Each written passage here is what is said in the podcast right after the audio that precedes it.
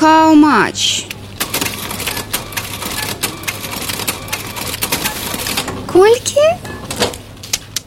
Добрый дзень з вами рубрика хау-матч у якой мы гаворым пра асноўныя эканамічныя навіны тыдня сёння мы паговорым пра тое чаму з беларусі сышоў буйнейшы заходні інвестор і якая новая пагроза з'явілася для беларускага экспорту на кітайскі рынок беларускія ўлады ў апошні час шмат робяць для таго каб палепшыць свой інвестыцыйны клімат на самым высокім узроўні. Так як сказаў нядаўна александр лукашенко. Они решили свернуть свою деятельность и уйти из Беларуси. Дверь открыта, уходите. На тыдні стала вядома аб тым, што з Беларусі сышла аўстрыйская кампанія Кронаспан. І гэта насамрэч знакавая падзея, бо гэтая аўстрыйская кампанія уклала ў беларускую дрэваапрацоўку мільярд еўра. Стварыла тут сапраўдную імперыю. Больш для беларускай эканомікі зрабіў толькі расійскі газпром. То бок гэта быў адзін з найбуйнейшых заходніх інвестыцыйных праектаў. Прытым кампанію не бянтэжылі ні санкцыі, ні ваенныя дзеянні ва ўкраіне. Яна працягвала працу на беларускім рынку. Але потым як я ўжо сказаў беларускія ўлады ўзяліся за свой інвестыцыйны клімат спачатку інвесторам забаранілі распараджацца сваім прыбыткам. Потым увялі правіла паводле якога прадаць свой бізнес у беларусі інвестары маглі толькі з дазволу беларускага ўраду. А потым улады установілі выкуп у памеры 25 процентаў ад кошту актыву за права сысці беларусі і вось якраз перад прыняццем гэтага указа кранаспан прадаў свае беларускія актывы. Ну таму што відаць крыху шкада было аддаваць беларускаму ўраду свае асабістыя 250 мільёнаў еўра. І дарэчы усе гэтыя за забароны уцёкі замежных кампаній з краіны не спынілі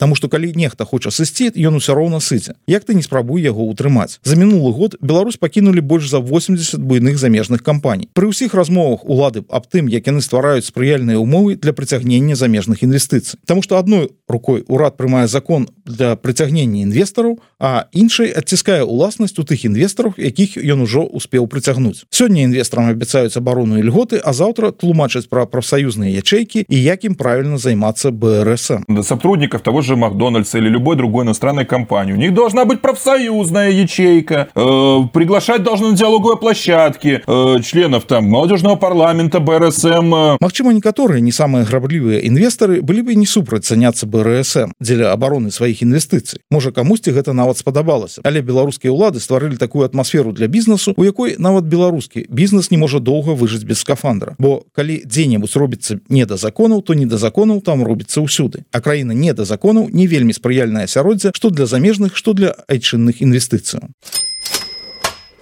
беларускага экспорту бяда прыйшла адкуль не чакалі адзін з буйных кітайскіх банкаў паведаміў што ён больш не будзе праводзіць разлікі для беларускіх і расійскіх кампаній незалежна ад валюты гэтых разлікаў і платежнай сістэм гэта значыць плаціць за імпорт і атрымліваць грошы за экспорт праз гэты банк не атрымаецца ніяк. І некаторыя расійскія кампаніі ўжо заявілі што ў іх завіслі з-за гэтыя здзелкі і загаварылі аб будучым лагістычным калапсе. Беларускія ўлады маўчаць. Беларускія ўлады шмат гавораць калі трэба пахваліцца сваімі поспехамі але маўчаць калі ў іх здараюцца непрыемнасці. А адмова кітайскіх банкаў праводзіць разлікі для беларускіх кампаній пагражае беларускаму знешняму гандлю вельмі сур'ёзнымі непрыемнасцямі. Знаете Китай в прошлом году стал нашим вторым торговым партнером э, после Российской Федерации. Тоже рекордные показатели по товарообороту обороту по нашему экспорту э, в эту страну более двух миллиардов э, долларов. Большая полова беларускага экспорту Китай гэта экспорт калійных угнаенняў за 11 месяцаў мінулого года Беларусь зрабіла на ім 1 мільярд 350 мільёнаў долларов. Мінімальны аб'ём мог скласці 4 і 4 десятых мільёна тонн. Гэта уласна ільвіная доля беларускага экспорту калійных угнаенняў Таму что са стратай індыйска і бразільская рынка гэтыя угнаенні асабліва няма куды падзець на краіны далёкай афрыканскай дугі спадзявання мало. Але праблемы з экспортам толькі один бок. Кітайскі імпорт таксама мае крытычнае значэнне Таму што пасля ўвядзення заходніх санкцый імпорт кітайскага абсталявання кітайскіх машин кітайскіх тэхналогій стаў краевугольным камнем амаль усяго саюзнага імпортазамяшчэння І вось калі гэты кітайскі імпорт знікне то ў саюзным імпортазамяшчэнні няма чым будзе імпортазамяшчаць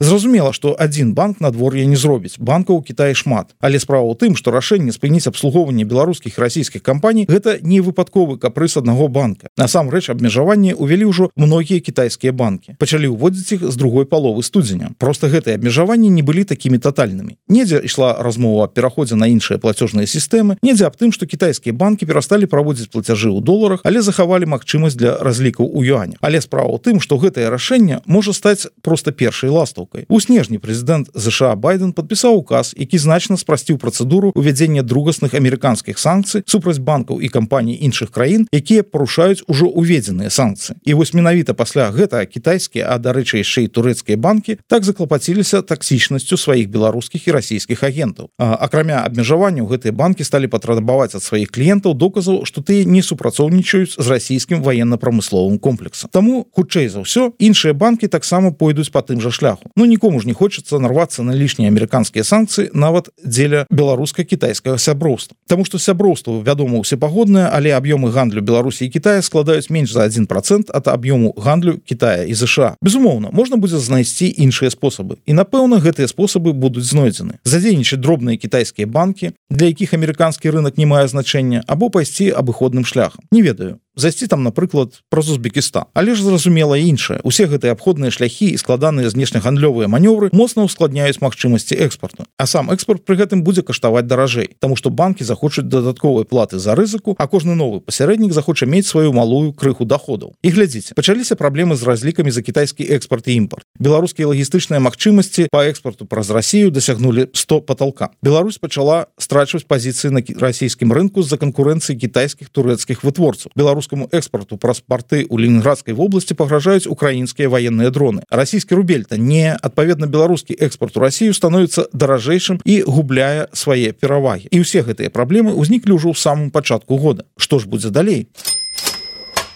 на гэтым на сёння ўсё з вами была рубрика хау матч пачуемся на наступным тыдні усяго добрага How much?